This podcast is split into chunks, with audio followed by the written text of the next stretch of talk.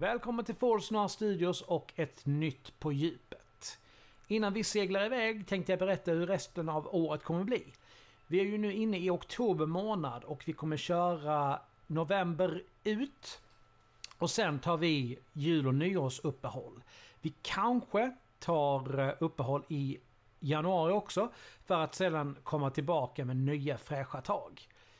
Nytt för nästa år är att vi kommer ha ett litet sommaruppehåll. Exakt vilka månaderna det blir, det vet vi inte just nu. Men vi återkommer angående det senare. Men det är dags för en ny gäst, så nu seglar vi ut på djupet.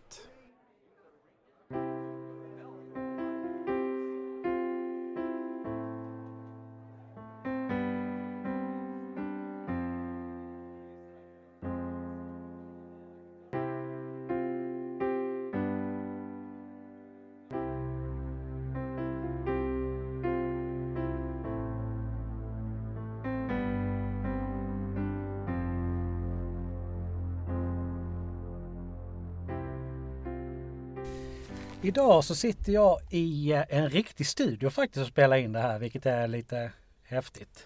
Och min gäst är född i Västergötland, vissångare, låtskrivare, gitarrist och ståuppkomiker.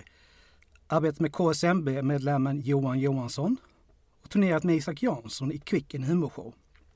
Och han fick Olrog-stipendium 2017. Välkommen till På djupet, Ola Orell. Hejsan hejsan.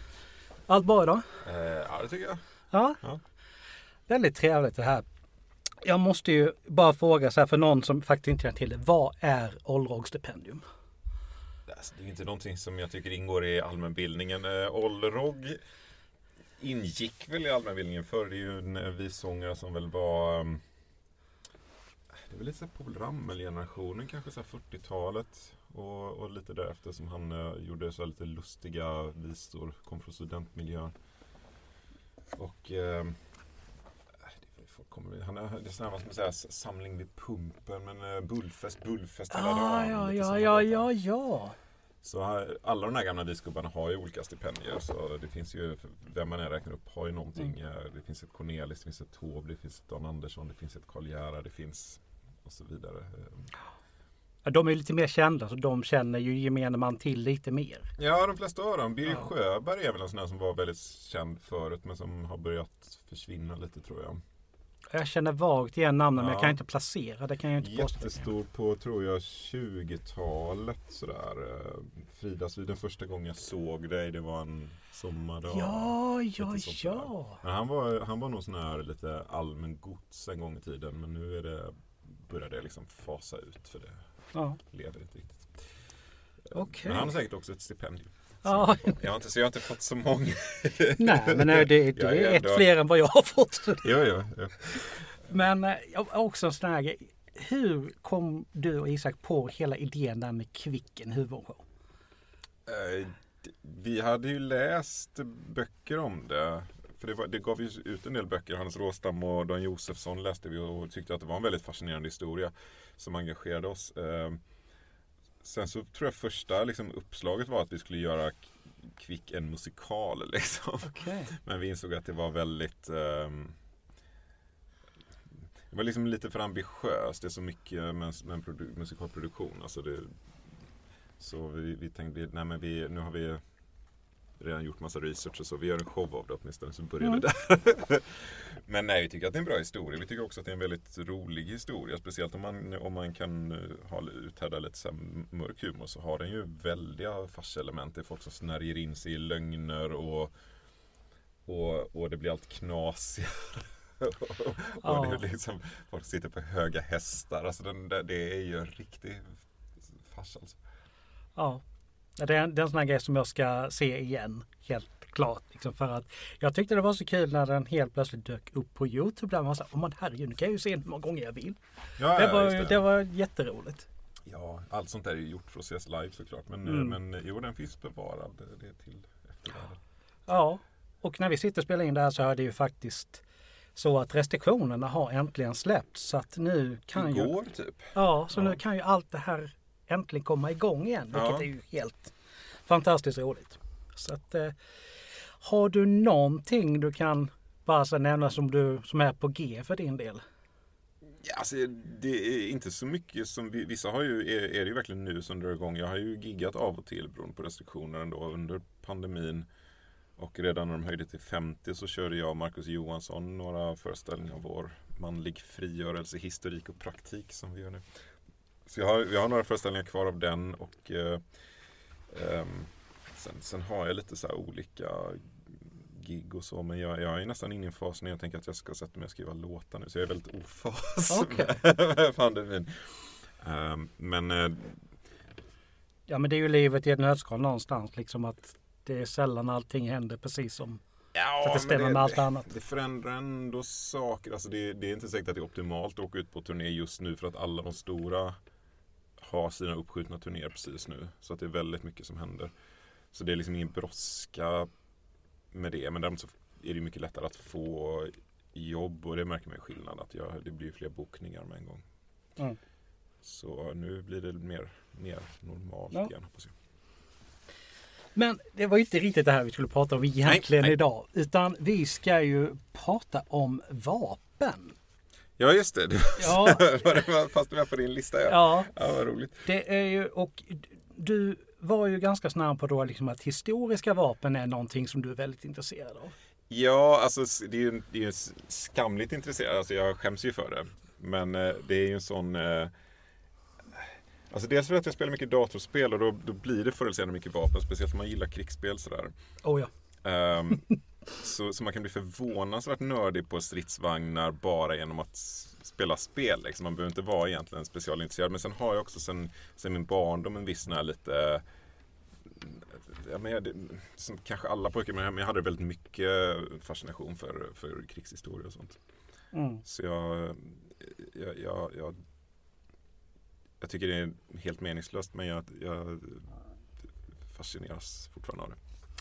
Jag kan ju inte säga någonting så för det, här är precis det ämnet jag råkade ut för när de andra två satte mig på den här sidan, på, alltså på din sida av Jaha, ja. intervjun. Mm. Så hamnade vi på vapen. Och för min del så är det ju någonting som är väldigt förekommande i och med att jag gör, alltså är ju väldigt amatörmässig men alltså håller på med cosplay. Ja, ja. Har jag gjort Division-agent, jag håller på med en Destiny 2 Hunter. Mm. Då blir ju vapnen en stor del av det. Det går inte att komma ifrån. Nej, just det. Så, och jag har nog alltid haft liksom en fascination för vapen någonstans. Samtidigt som om jag skulle, liksom, om jag, de gånger jag råkat göra någon illa så mår jag väldigt dåligt av det. Att man har råkat. Så att det går ju inte ihop Nej, viset. Liksom. Jag är inte så fascinerad av att använda vapen till exempel. Alltså ibland får man chansen Precis. att vara på skjutbanor och sådär. Och det, det ger mig ingenting speciellt. Jag tycker Nej. inte det är så intressant. Jag kan bara hålla med där faktiskt. Um, jag är inte så fascinerad av, av, av, av våld i verkligheten. Jag nej, men jag är intresserad av fiktionen bara. Ja. En väldigt, väldigt abstrakt nivå som jag tycker ja. nej, men det, det, är ju någonting som man inte kan komma ifrån att människan är väldigt våldsam någonstans och har alltid varit. Det finns tyvärr någonstans inbyggt ja, ja. i våra gener och speciellt i män någonstans. Ja men gud ja. Och alltså, jag kommer ihåg när jag insåg någonstans att nej, om det är så att det gäller han eller mig så kommer jag göra allt vad jag kan för att jag ska överleva. Det är ingen, riktigt, ingen rolig insikt men det finns liksom bara i oss någonstans. Att ja, det finns, överlevnaden. Det finns så mycket mer ja, ja, också. Om man börjar gräva i det där. Det är förvånansvärt hur lite lite våld eh, som pågår. Men, men tanken på, alltså det är ju det är en väldigt skön målning redan det resonemanget. Att det handlar om han eller mig eller om det verkligen kniper. Alltså folk mördar mm. varandra bara för att det är kul. Folk har alltid tyckt att det är roligt att bli militärer. folk har alltid mm. fått kickar av att mörda andra. Folk har alltid gått och tittat på tortyr i offentligheten och vi gör det ju fortfarande fast vi gör det med, med fiktiva medel. Liksom. Mm. Och då av någon anledning så är det bara accepterat att man njuter av att skjuta folk på låtsas och läsa ja. deckare. Alltså, kvinnor är ju inte lika så aggressiva men kvinnor njuter ju också av att läsa om, om seriemord och läsa deckare med bestialiska styckningsgrejer och titta mm. på offentliga avrättningar och sånt där. Så att, ja, det, det, det, är ett väldigt, det är ett väldigt mörker men jag tycker också man kan klappa sig själv på axeln för att vi ändå är så pass duktiga på att hantera det som Oh ja, det ska man absolut inte glömma bort. Så är det ju. Men, men vad är det då liksom? Det, det, det är ju mer som jag förstår det, liksom äldre, mer historiska vapnen som du har ett intresse för då? Ja, det är det. Moderna vapen är, är, är inte... Det har inte varit så mycket... Alltså jag, rent krigshistoriskt så är det inte så spännande efter andra världskriget.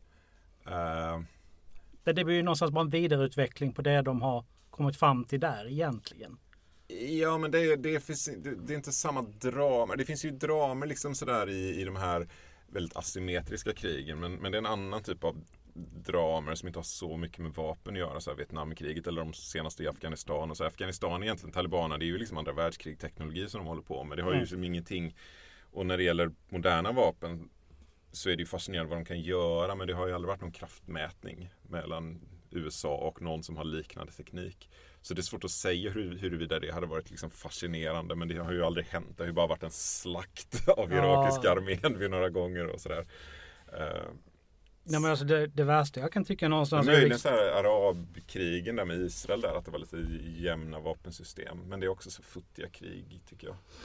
Ja, nej men alltså det som jag säger, någonstans är just det här liksom att om man verkligen tittar på det yttersta änden av det det, det går ju någonstans att uppleva. För skulle det hända då är ju liksom livet på den här planeten slut någonstans. Om man tar det till sin yttersta gräns. Så att det hade säkert varit jättefascinerande men du får inte en chans att uppleva det mer än en gång. Nej men det är ju sant. Med kärnvapen blir det också en slags konstig slutpunkt på det. Att det blir som det blir en annan sån här, det, det, vi kommer bara nörda lossas mycket men det orkar jag inte bry mig om. Uh, Varsågod, det är men, lugnt. Men jag, jag, jag, jag gillar schack också delvis. Uh, och också lite skamset. Men, men jag är inte särskilt bra på det. Men, men där har det ju hänt senaste decennierna att AI en gång för alla har gått förbi människan. Uh, vilket gör att, men man kan fortfarande spela schack, för mig spelar det ingen roll.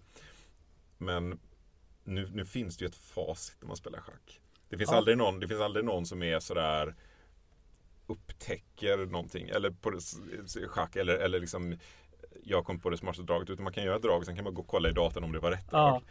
Och det blir liksom, det är någonting Det blir en annan värld, lite som med kärnvapen också tänker jag, även om det är långsökt att hur mycket du än skulle köpa ett krig så vet du att äh, det finns, nej, fast det finns också de här vapnen som inte använt än. Så egentligen är det bara antingen kärnvapenkrig eller också är det bara så här lite låtsaskrig. För det, det är liksom Maxvapnet står in i hörnet och kan spränga vad som helst. Ja. Men jag kommer ju bara tänka på gamla filmen med Matthew Broderick, eh, War Games. När vi pratar om det här. Just med datorer liksom och hela hur, hur pass ändå smart den datorn var. Och jag, kan ju, jag, jag kunde ju liksom redan då när jag såg den, var, var, var jag när jag såg den första gången, kanske 8-9 år gammal. Liksom. Det var ju några år efter att den hade, jag släpptes den 85 eller något sånt har jag för mig. Ja det kan det vara. Ja. Men jag var ju inte speciellt gammal då i alla fall. Och jag bara så här liksom att är det så här smarta liksom datorer och robotar kommer att bli så blir ju inte vi långlivade. Jag kommer ihåg den tanken. Det är ju, alltså för den ja, datorn var ju grymt smart ärligt talat. Just det. Ja, det, det är... Um... Jag har inget vettigt att säga om AI. Jag, jag, jag, jag, köpte en bok en gång, men jag har inte läst den. Han, Nick, vet han, Nick Boström, svenskan, som pratade om att AI skulle döda oss alla. Ja. Det finns ju lite sådana idéer. Det, det är sån... Ingen tar ju det på allvar. Nej. För att vi inte riktigt kan hantera det. Alltså vi kan liksom hantera, klimatet kan man liksom ta, man, man fattar berättelsen där. Men när det gäller att AI liksom efter en viss punkt så är det så här jättefarligt för vi har ingen kontroll över det. Mm. Men det är alla, jo men det där är ju bara en lek med tankar. Så här, eller så är det inte det. Men... Alltså det, jag kan ju tyvärr se. Om man, om man, när man tittar på dokumentärer så är det liksom vad smarta AI redan är. Mm.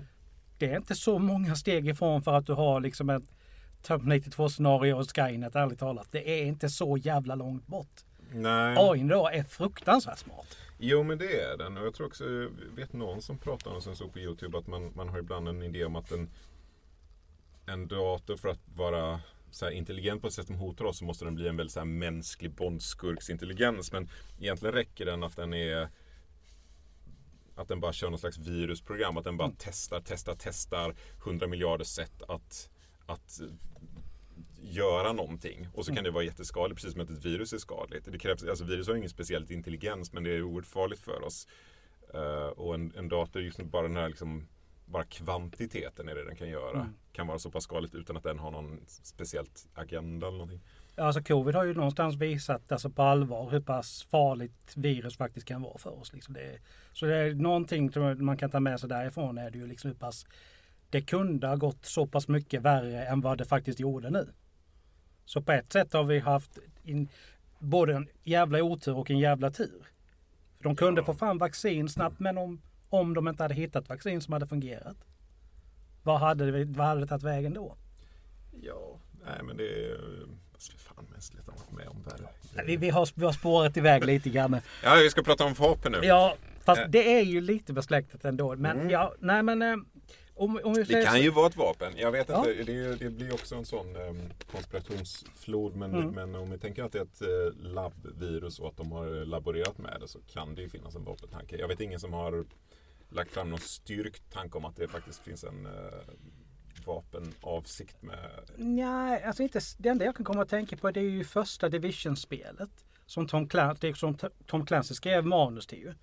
För där leker han ju med tanken att de 3D-printar ett virus och alltså lägger ihop Mm. en hel drös med olika vi- virus.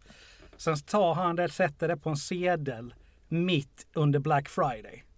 Och den Ah, katastrofen som, är, som, som liksom följer med det i USA. Ja, precis. och det är ju så här, det är inte helt omöjligt. Alltså det är folk som har kommenterat det, det är inte omöjligt. Nej, det är det absolut inte. Det, det är, det, jag vet inte om det finns någonting som talar för att de har, skulle ha släppt ut det med flit. Men det kan fortfarande vara ett virus som de har laborerat med i syfte att skapa ett vapen. Som har råkat läcka för att de är klantarslen. Ja, Liksom. men alltså för det, det ska man ju inte glömma att det laboreras ju med virus eh, alltså på många ställen i världen för att man ska kunna se effekten av det, lära sig någonting av Ja. det och komma fram med bättre sätt att bekämpa det på. Mm. Och sker det då ett misstag någonstans, ja då... Så att det... Man ska inte slänga massa skuld på kineserna men... När man ser på vissa fakta... Ska man, Nej men när man tittar på... man ska inte hålla på. Man ska, man, Folk ska klanta sig. Eh, Och för globala konsekvenser ska man absolut slänga skuld på. Det skiljer sig ju inte från andra sådana här miljökatastrofer. De där, eh, vad, vad heter det, de i Indien? Eh, Jag har glömt, det här är så borta. Det är galna ko-sjukan du tänker på? Nej, nej, det här är Nej. länge sedan, typ tidigt 80-tal. och sådär. Det var någon stor miljökatastrof Oj, i eh. Indien. Men ja, det, det, där, det var Ja. allmänbildning då, men nu tror jag det är bortglömt. Men det finns en massa sådana där eh, företag som Ja, ja. laborerar med miljöfarliga grejer och så får det döda massa människor. Och det ska man fan inte komma undan med för att man är, men vi är kineser, vi är på väg upp. Nu, vad fan är det? Alltså, men jag kommer ihåg när jag såg att deras företagslogga, de, där läkemedelsföretaget, Mm. där ser nästan exakt likadan ut som Umbrellas gör i Resident Evil-spelen.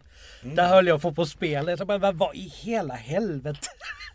Det, alltså är det en tillfällighet eller vad fan är det här? Men jag Det, har att Wuhan nämndes i någon... jag kommer inte- nej, Nu minns jag för dåligt. Att det ändå fanns någon referens till det innan i någon sån här Mm. virussammanhang. Just för att det fanns ett viruscenter där. Liksom. Ja. Folk kände ändå till att det fanns. Så att det var Ja. med i någon film eller något datorspel. Eller sånt där. ja. Ja, men Resident Evil-spelen har ju fått en väldig massa. Den senaste var det åttonde delen med Village.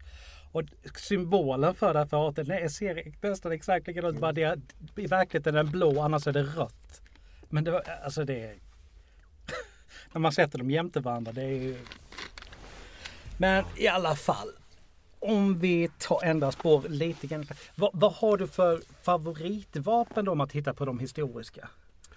Eh, Oh, hur, hur avgränsar vi det liksom? Alltså ett, Ja. ett, jag, jag är ju... Jag tycker det är intressant med vapensystem liksom. Eh, men... ehm, vad- hur ska man tänka på favoritvapen? Vad har du själv för favoritvapen? Jag behöver Alltså- bara vinna lite tid här nu. Ja, alltså jag är ju så här. Eh, tysktillverkade G36 är ju en sån här. Men det beror ju delvis på att jag har fått testa den själv i lumpen. För jag gjorde lumpen på ett skjutfält mitt ute i ingenstans. Där det kom folk från alla möjliga håll. Och då var ju vår löjtnant var så här, men vill ni testa det här, vill ni testa det här? Och vi liksom bara, det är klart som fan vi vill testa skjuta grejer. Jag menar 18-19 bast, det är klart som fan man vill. Så att vi har ju, fick ju te- te- te- testat MP5 som insatsstyrkan, svenska insatsstyrkan har. G36, prickskytte och så vidare och så vidare. och just G36 någonstans har jag liksom bara fastnat för. Det är om man tittar då på riktiga nutida. För att den är ju, alltså det är någonting med designen och att den är ju faktiskt, alltså väldigt lite rekyl om man bara tittar på det praktiska liksom jämfört med många andra. Så har den liksom blivit en sån där som så att eh, finns den med i ett spel exempelvis så är det ju ett vapen jag definitivt let, liksom letar fram ganska snabbt. Ja, jag är inte så insnöad på speciellt inte moderna vapen. Um, jag, eh, jag... Det är svårt att säga.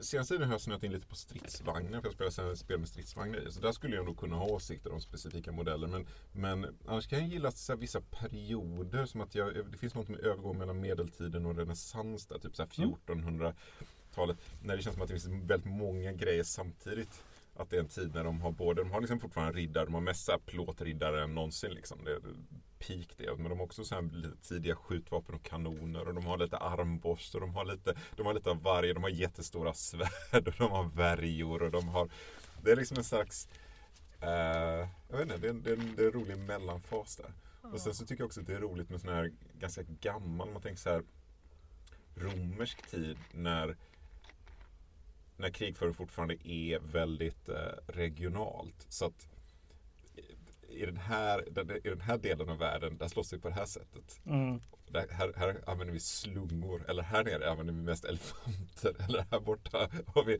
De har liksom inte... De har inte liksom kulturen har inte liksom mm. påverkat så mycket varandra att man bara kommit på det bästa sättet att slåss på. För så här, europeiskt 1700-tal eller, eller något sånt där, då slåss ju alla på exakt samma sätt, vilket är mm. tråkigt. Men eh, det finns tider när folk har helt olika sätt att slåss så kan man liksom mm. plocka ihop folk från olika delar av världen. Så, sånt tycker jag är festligt. Ja, men jag tycker en sån här grej som jag tycker är väldigt häftigt om man tittar på då liksom äldre grejer är ju just armborstet. Hur mm. de får till någonting. Jag tänker ju då alltså på den vändan som du verkligen vevade upp. Som klarar av att ta sig igenom rustningar. Mm. Alltså den kraften någonstans. Jag har svårt att föreställa mig det. Hur pass den kraften verkligen tar sig igenom plåt. Men samtidigt vet man ju, ja men det, det har ju, det är så det har fungerat. Ja. Men det, alltså det ju, måste ju vara en enorm kraft någonstans du får upp i den här, i den här strängen. Liksom, så att den... Ja men det, det, det är det ju. Alltså det är ju de, de, de, de är stål de starkaste där, där mm. fram. Så att man böjer ju liksom så. Och sen, sen är det ju det är ju också att, att, att all kraft kommer i en väldigt smal spets liksom. För ibland kan man ju se när de skjuter med pilar att så jäkla, det ser inte så kraftfullt ut ändå för man kan ändå se en pil åka i luften. Det är inte som ett, det är inte som ett gevärs. Nej men precis, det ser du ju inte utan den är, har bara fart iväg. Liksom. Ja, det, så att det... det princip, du kan, kan se pilen komma och flytta mm. dig liksom. Men den går en, kan ändå gå igenom en rustning. Ja. Men det är för att du koncentrerar kraften på en, en punkt. Ja. Ja, nej, men där, där har du bara en sån här grej liksom att om du går igenom isen ska du sprida ut liksom kroppsmassan på så stor yta som möjligt för att då är det mindre chans att du bakar igenom isen. Ja, men precis. Det är lite grann samma princip. Jo, nej men, det, ja, nej, men armborsten har jag någonstans tyckt, alltid tyckt var häftiga liksom. Det, pilbågar också någonstans. Liksom, alltså, vad skulle vi, alltså jag skulle vilja varit med när någon bara kommer på det att nej, men om vi tar en, liksom en, en pinne som är mm. elastisk, böjer den, sätter en sträng emellan så har vi plötsligt fått ett vapen. Alltså det, det är ju, alltså det är ju, det är en sån häftig idé någonstans. Jo, och så har man bara vidareutvecklat på det sen. Liksom. Det... Ja, Nej, men, jag, det, men den liksom scenmelodin som jag pratade om, det, den är rolig för att du verkligen har Ja, men det, det är liksom peak pilbåge på något sätt. Och så här mm. långbågar. De har liksom tagit det så långt det går. De har också armborst tagit det så långt det går. Så har de sådana här tidiga eh, liksom, skjutvapen som absolut inte har kommit så långt det kan. Men de, de kan vara samtidigt för de har lite för och nackdelar jämfört med andra. Ja, nej, men alltså, det, är en väldigt så här, mustig tid tycker jag. Innan mm. de har standardiserat. Det, det tråkigaste nästan måste ju vara sådär typ amerikanska inbördeskriget. Det känns som att de har nästan inget kavalleri eller någonting. Alla har bara varsina gevär ungefär likadana. Mm. Det är liksom oerhört det finns lite så här i utkanten, finns lite så experimentvapen. De har lite så här tidiga kulsprutor och så. Men det normala är bara att nej, det är bara killar med gevär. Mm. Och enstaka kanoner Ja, nej, på någonstans ändå så finns det ju liksom ett mer Alltså det, det, det känns dumt att väva in ärofullt på något sätt när det har med krig att göra överhuvudtaget. Men på något sätt är det ändå lite mer när, du, när det är en kille med sitt vapen liksom blir det lite mer man mot man än vad det, liksom, än vad det har blivit senare. Ja, Där, där en person kan liksom på rätt sätt ta ut ett helt kompani ensam. Så var det ju liksom någonstans mer på ett, alltså på ett ärligt sätt på något sätt. Liksom, när, när, du, när man stred på det viset. Ja men så är det. Det blir ju väldigt eh, annorlunda och när man kommer till en viss nivå av att bara trycka på knappar så blir det också tråkigt. Sen, sen är ju inte jag jag är fascinerad av det här på ett väldigt så här djupt pornografiskt sätt så jag kan även uppskatta när det bara är absurt och obehagligt. Alltså sån här första världskriget när det, ingen vet varför de slåss och det finns inget Alltså den här tanken att du ska bara vara här och bli beskjuten och du kan inte skjuta tillbaka och, och låta dem typ slösa sin ammunition samtidigt som vi slösar vår ammunition på deras och sen ser vi vem som får slut på ammunition först. Alltså jag, jag kommer ju bara på på det här, liksom Monty Pythons meningen med livet. Mm. Den biten där de ligger i skyttevärnet och, här, det här, och så blir det en efter en av dem skjuter. Men de ska jävla fortsätta med hans födelsedag. Det finns Ja. någonting så väldigt mänskligt med det där nå- någonstans. Liksom att vi är inte riktigt säkra på vad fan vi gör här. Men han fyller år. Så det ska vi Ja. fira. Det är väldigt märkligt. Det var ju, I och med att det var så här jubileum för första världskriget så kom det ju rätt mycket böcker för några år sedan och det pratades mycket om det. Och det är ju inte konstigare än andra krig men det är så påtagligt just där att, att det är ett, ett skumt krig. Liksom. Mm. Så här långt efteråt så fattar man knappt varför de slåss. Det var liksom olika allianser och lite makt och så. Men, men sen skulle ändå folk ut och, och gick frivilligt ut och Ja. lät sig dödas liksom. Och eh, det är klart att Visst, och de var, de var tvungna många av dem, men det var också väldigt många som eh, slöt sig upp frivilligt. Liksom, Mm. För att, nej, nej, det är ju när landet kallar. Så är det klart man ska sitta i leran och bli sprängd. för att något grumligt stormaktkonflikt på Balkan. Det är så fruktansvärt mänsklig absurditet i det. Ja, nej, men visst är det. Och sen samtidigt finns det ju så under den här tiden så många alltså, eh, historier om mycket mänsklig värme någonstans. Jag, vet, jag kommer inte ihåg om det är första eller andra världskriget men det finns ju en historia där midnatt julafton så ställer sig båda sidor bara upp och, och sjunger liksom in julafton. Och sen lägger de sig ner och krigar igen. Ja, de hade till och med en fotbollsmatch och sånt. Ja. Första, första julen. Men det gör det, det gör det också absurt att de, de förstår någonstans Ja. Att det är människor där borta också. Ja, det, ja, men det, det är grumligt. Det är inte så här heller som att de är ute och ska plundra några rikedomar på andra sidan eller göra någonting sånt. Utan det, är- ja, det, är- väldigt abstrakt. Ja, nej, men det är alltså, ett väldigt abstrakt offer av sina liv de ägnar sig åt. Mm. Ja, men alltså någonstans så känns det ju så overkligt liksom att...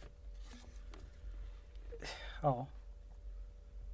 ja men det, det, är en, det är väldigt konstig del av vår historia någonstans allt det där. Men det är också, apropå det, för det, det är ju precis som vi pratade om hur människor är liksom kapabla till våld så ligger det förmodligen i oss också att vi är kapabla till enorma offer och till en slags krigspsykos när man eh, är beredd att skicka ut sina barn för att de ska dö för gruppen och sånt där. Och, och det är också en skum psykologi. Den är ju lite mer ädel men den är också obehaglig och konstig. Men alltså vi har ett konstigt flockbeteende någonstans. Ja. Att om du har en tre, fyra pers som gör på ett visst sätt och, och, och speciellt om de är kända på något sätt. Så gör resten precis likadant. Och det är väldigt Mm. intressant. Alltså det finns väldigt intressant psykologiska aspekter av det där. Som jag för mitt liv aldrig kommer att kunna förstå riktigt. Varför du, alltså bara för att någon gör på ett sätt, varför du gör exakt likadant. Alltså, och då menar jag med alltså de, de tokiga, dumma grejerna liksom. Det är, vi får någon slags konstig flockmentalitet som... Ja, gud ja. ja det är ju logiskt någonstans men det, det är sjukt eh, vart, vart det tar oss. För det är klart man kan tänka sig att man är, man är liksom, föds upp ingenstans och hur navigerar man? Man kan härma de som är framgångsrika. Så de, den grundmekanismen är ju helt begriplig men sen hamnar man i ett läge när de som är framgångsrika är excentriska popsångare som gör konstiga grejer och då, då ska det lik förbannat härmas och man kan förstå att det är helt godtyckligt och nonsensartat och att den här fjädrarna på huvudet inte fyller någon som helst funktion. Men man imiterar den ändå för att de är framgångsrika. Men någonstans är det så här, det, det, fan, det finns ju en, en, en logisk förklaring till det. Det är ju liksom att du, alltså tidigare, nu tänker, jag, nu tänker jag så långt bak nästan nästan på grottmänniskan. Liksom att du följer ledaren. För det är det någonstans som i slutändan tar oss igenom. Vad den är. Men idag så behöver vi inte det riktigt egentligen. Men det finns ändå kvar där någonstans Ja, ja. långt bak liksom. Så det, nej det, det är Ja, nej, det, är Mycket. nog, det är nog väldigt, eh, väldigt eh, tvångsmässigt. Mm. En, en annan sån, och det är egentligen bara en sån här nördig lek med tankar, men som fascinerar mig lite är ju är, är tanken på hur, liksom, hur vapen påverkar det, det politiska systemet.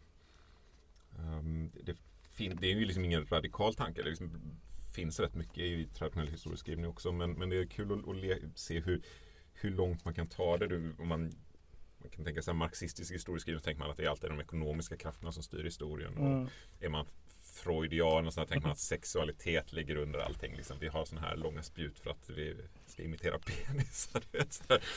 Men det finns ju också en tanke om att, om att i och med att all politik bottnar någonstans i våld. Liksom. All maktutövning bottnar någonstans i våldskapital. Så kan, så, så kan man tänka sig hur olika vapensystem och sätt att föra krig också definierar det politiska landskapet. Och I vissa fall så stämmer det väldigt väl överens. Men alltså, om man tänker om du har som så här medborgarhärar i, eh, i Grekland eller Rom så skapar de någon typ av så här demokratisk eller folkförsamlingssystem där de och det avspeglar sig väldigt väl. De som har rösträtt i Aten är de som står och slåss på slagfältet. Det är exakt Mm. samma människor liksom.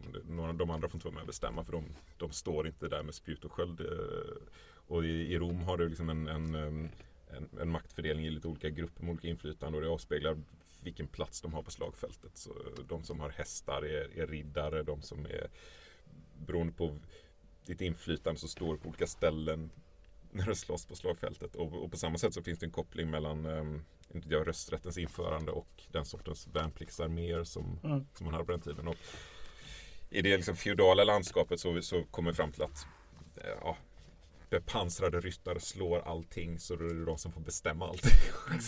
Ja, men jag kan ändå förstå det någonstans för att de har ju någonstans, vad ska man säga, förtjänat sin makt för att de ändå är på, på slagfältet någon- någonstans. Va? ja, Det, precis. så att det, det, jag kan, det kan jag ändå förstå till viss del. Det, men det, det finns ändå en, det finns en röd tråd på ett helt annat sätt än vad, än vad det gör på många andra ställen. Jo, precis. För, frågan är om det har någon koppling till vår tid nu. Och det, det, vet, jag vet inte om det har det eller om det känns irrelevant. Men det kan ju vara så att i och med att vi faktiskt inte har värnpliktsarmé längre, att det har blivit lite sådär. Det känns inte lika trovärdigt att en värnpliktsarmé är så viktig som den kanske var för hundra år sedan. Åh oh, gud nej, nej, nej, det, alltså det, det är det ju inte. Menar någonstans på de hundra åren så har vi ju liksom gått någon, liksom från att i slutet av den tiden någonstans har varit liksom ett land som har ägt större delen av Europa. Har det i bagaget. Mm. Till att vi i nutid, nej men vi ska bara ha så pass mycket försvar så att det inte är värt för någon annan att attackera. Ja, precis. Men frågan Det har ju hänt mycket någonstans på vägen har det gjort. Men frågan är ju var det har ändrats någonstans. Ja, alltså ett, ett skäl till att man tar värnplikt är väl att det kanske inte fungerar så bra mot moderna vapen. Att du har inte den jämlikheten att... Det beror ju lite på vilken typ av krig. För att så här, talibankrig finns ju en funktion med att någon seg person med ett gevär kan ändå göra motstånd. Men moderna vapen är ju så mycket mer, handlar mycket mer om teknik och pengar än att du ska ha ett visst antal soldater. Du, du har ingen särskild nytta av två miljoner soldater om du har moderna vapensystem istället. Men det skulle ju då kunna tänkas innebära att, att makten i samhället skulle förskjutas från, eh, från enskilda medborgare till de som kan eh, bygga vapen, typ så stora företag. Men, men eh, jag vet inte om det är en krystad... Alltså jag, vet, jag vet inte för att om du tittar på alltså de flesta typer av, alltså, alltså både böcker, filmer, spel.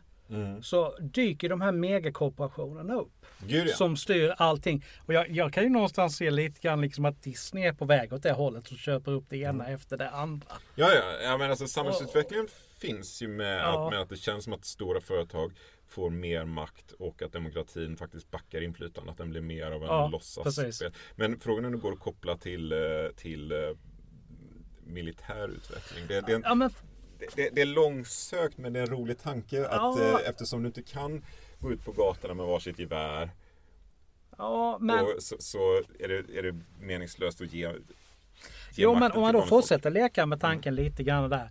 Vi säger nu att Gud förbjuder att SD någonstans skulle komma till en riktig maktposition. Mm. Vad tar saker vägen då? Och då har du helt plötsligt två idéer. Vad tar de vägen? Jag, jag hoppas gud att jag inte har rätt någonstans i det här. Men, liksom, men det är ju alltså. Det kan hända väldigt mycket om fel personer kommer till makten. Ju. Ja, Det har vi ju sett genom historien om och om Precis. igen. Det, men det beror på vad man, vad, det, vad man menar med att komma till makten. För en, en tanke med liksom att utvecklingen från eh, demokrati till stora företag är ju att det inte spelar någon roll vem som har den, den så att säga, demokratiskt tillsatta makten. För att eh, du, jag menar Disney kommer ju inte lyda SD. Nej, Och det, vem har mest makt liksom? Sveriges riksdag eller, eller Amazon? Liksom. är det nu jag förstör dina barndomsdrömmar och säger att Walt Disney hade klara nazistsympatier. Ja, ja, nej, men det, det har, jag, har jag också hört. Men, Ja. eh, men jag tror inte... Det, och jag säger inte att Disney inte har totalitära ideal nu heller. Men, men eh, jag menar... Eh, Ja, nej, alltså det, finns, det finns ju många tankar att leka med där. Absolut, det gör det. Och det är inte alltid man gillar vart hjärnan tar vägen när man börjar med, med den typen av diskussioner. Men, men, men, men. Eh, men om vi bara ändå tar en eh, litet eh, så här till eh, koppling till de, till de spelen du spelar. Var, finns det någon, några favoriter där? Eh, ja, alltså jag spelar ju rätt mycket gamla spel just nu. Eh, vad, är- vad är det jag har spelat med? Alltså jag spelar en sån här moddad version av något som heter Company of Heroes. det Sista. Ah, Och det är ju liksom, det är väl det är mer än tio år gammalt va? Det är från eh, 2009 eller sånt tror jag. Det är alltså är det inte till och med 99 eller något sånt där? Nej, inte Company of Heroes. eh, nej. Nej, oj, nej, nu tänker jag på fel spel. Sorry. Jag tänker på... Ja. Jo, nej men det... Ehm, så eh, jag har lyckats, jag gillar det spelet men de, har- de har också liksom kommit riktigt bra moddar till som har hållit liv i det. Och förändrat väldigt mycket. Och, ehm, Mm. ehm, så där är det ju väldigt mycket stridsvagnar. och sånt. Som är skojigt. Ehm, Har du testat World of Tanks? Då blir ju min fråga. Ja, det har jag. Ja. Eh, jag är inte så förtjust i sådana spel där man liksom ehm, har en sån här stor arena där man ska springa ut och skjuta varandra. Ja, okej. Så jag tröttnade på det. Ja. Eh, jag hade gillat det mer om det vore eh, mer som realistiska historiska slag eller sånt där. Jag gillar den sortens grejer. Jag gillar också sen nördiga så strategispel eh, Mm. kring, kring krig och så. World of Tanks är för mycket, springa runt och samla kills. Mm. Men jag har ju spelat en del. Eh, Mm. Sen tror jag också att det tappar lite på att det är en sån här eh, Är det freemium det heter när de gör spel Ja. som så, Och de medvetet gör spelet så här Lite för tråkigt för att man ska vara tvungen att köpa grejer. Ja, och det, det blir ju också lite för tråkigt efter ett tag. Mm. Men, Nej, men det, är ju, det är ju ett skäl till att man nördar in på stridsvagnar för där är det ju toknördigt. Där är Mm. det ju olika prototyper av stridsvagnar ja, ja, som man kan lära sig. Och ja, sen fanns det ju varianter med den här motorn och att man kan verkligen börja lära sig på en nivå som är helt galet. Jo, nej, jag har en kompis som spelade namnen så att det, det, Mm. det är därför jag, jag testade och jag, det var inte riktigt min... Det, det, det blev, jag vet inte, jag tror liksom hela den här biten med att alltså byta motor och fixa andra vapen till stridsvagn, det blev lite grann, jag hade inte tålamod med det riktigt. Nej men det är, ju, det är ju gjort för att det ska vara lite för tråkigt. Så att du ska betala för att få Ja. göra det snabbare. Och, ja, då får man väl köpa att det är så. Men det tycker jag är- det, det gör mig irriterad. alltså man, ska göra ett, man ska göra ett roligt spel och så kan jag betala för att spela det spelet. Inte göra ett tråkigt Ja, spel. Jag kan, jag kan hålla med där helt, helt klart. Det, det, jag- alltså alltihop det här du kan ju egentligen, oavsett vilka vapen du pratar om egentligen, så kan du ju, nå, speciellt då skjutvapen visserligen, men då kan du då tillbaka liksom det här långt, långt bak i tiden när människan upp, upplever, alltså upp, upp, hittar elden första gången och förstår hur de kan nyttja den. Utan den så hade vi ju in, de inte i, sen då i Kina kommit på hur krut fungerar. Du hade inte haft alltså de här alltså, enorma motorerna som tar folk ut i rymden. Mm. Alltihop går ju tillbaka någonstans till elden. Det finns en jättebra serie på, eh, på Disney Plus under eh, Natural Geographic-tabben. Som går igenom Mm. alltså den här livsavgörande tillfällen i när vår historia helt förändras. Just och det det. börjar ju med elden där liksom att vi kan faktiskt få elden på en pinne Mm. och så kan vi ta ljuset med oss och då attackerar inte vargarna oss för de är rädda för elden. Just det. Jag tror att, eh, nu kommer vi bort från vapen, men, men att... Eh, Ja, Det är ju en koppling där liksom att till varför moderna vapen oh ja. kommer till. Det är därför jag drar Ja, med ja, men det är det. Nej, men eld är ju fundamentalt. För jag tror att, att vi, är liksom, vi är avpassade för att kunna tillgodogöra oss eh, mat som är tillagad också. Vilket är en enorm energivinst om man vill ha liksom, många snabba kalorier. Man tänker eh, ett, ett, ett skäl till att apor inte utvecklas på samma sätt som vi är att de fortfarande äter rå mat och då kostar liksom matsmältningsapparaten så mycket energi att de kan inte de kan inte ha så mycket större hjärnor. För det är så, det är så jäkla mycket löv de behöver tugga. Och, så elden är ju liksom avgörande även biologiskt, inte Ja, bara ja, visst. kulturellt. Utan att vi, vi faktiskt kan utvecklas. Ja, nej, men du kan ju fråga vilken nattarbetare som helst. Liksom. Mm. Varm mat under, under natten gör att du håller dig alltså, mycket bättre. Så att det, är- det är ju liksom inget, inget konstigt med det. Alltså, det är ju, värmen tillför ju maten en helt annan energi också. Bara där liksom. Så Ja, det, ja, det den, det, eh, det, någonstans så har det med eh, energi att göra och vad värmen... Det påbörjar på något sätt matsmältning också. Jag är inte expert Mm. på det men att, att eh, istället för att kroppen ska behöva göra hela det jobbet så gör Precis. värmen mycket, mycket av smältningen åt dig. Och då kan du Ja. snabbare äta fler kalorier. Ja. Nej men det, så det är ju... Och det är en ganska liksom, häftig koppling där någonstans egentligen. Hur du tar någonting som är så livsavgörande och så Mm. vänder du det till något destruktivt. Det säger ganska mycket om människan egentligen.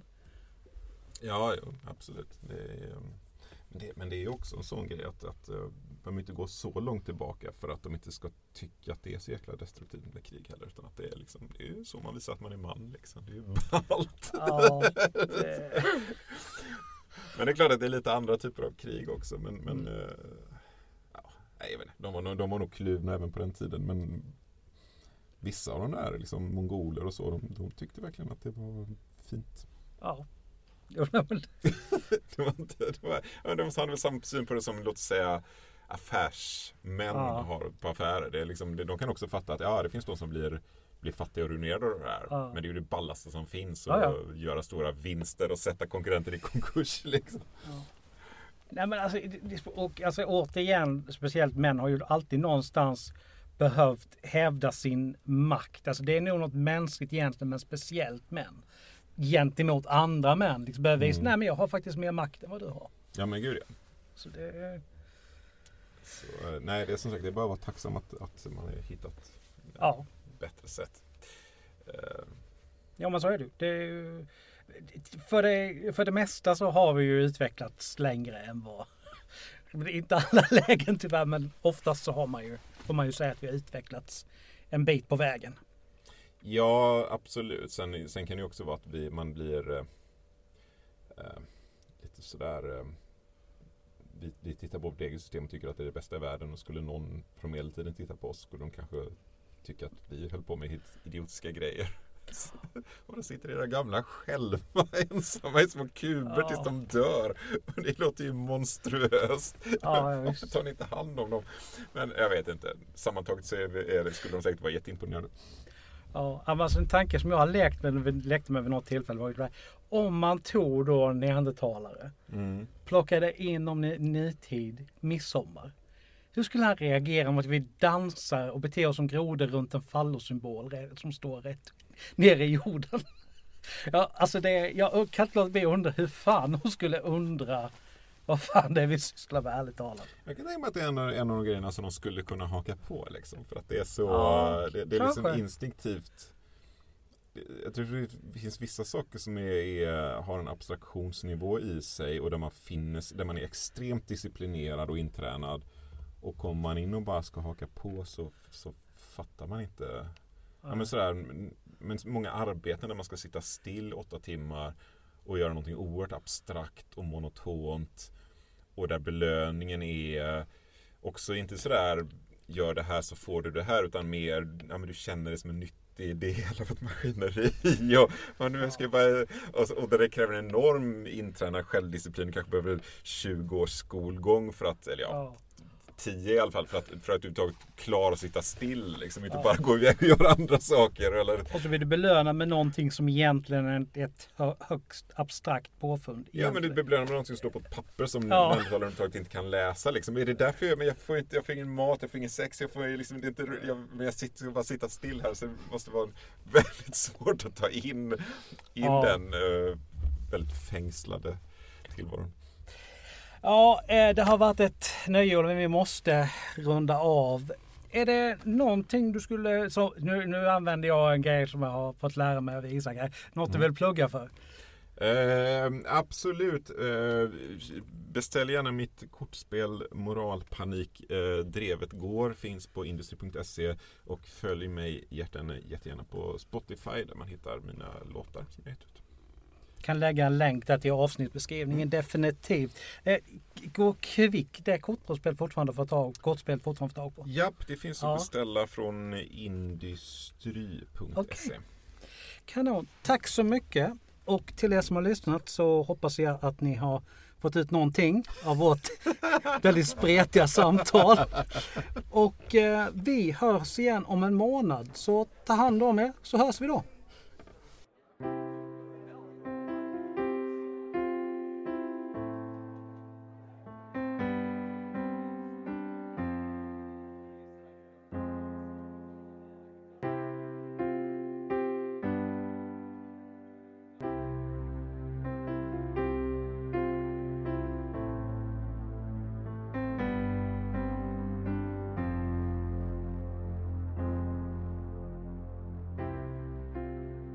Tack för att du lyssnade på dagens avsnitt. Musiken är gjord av Imaginary Stars Production. På djupet återkommer om en månad. Du kan följa oss på sociala medier. Det finns på Facebook, Force Noir Studios, Twitter at Studios Noir, Instagram Force Noir Studios som skrivet som ett ord. Och vi har en mail där ni kan nå oss ifall ni har några frågor eller liknande forsnoastudios at gmail.com. Också där Force Studios skrivet som ett ord. Ta hand om er så hörs vi snart igen. Stay tuned!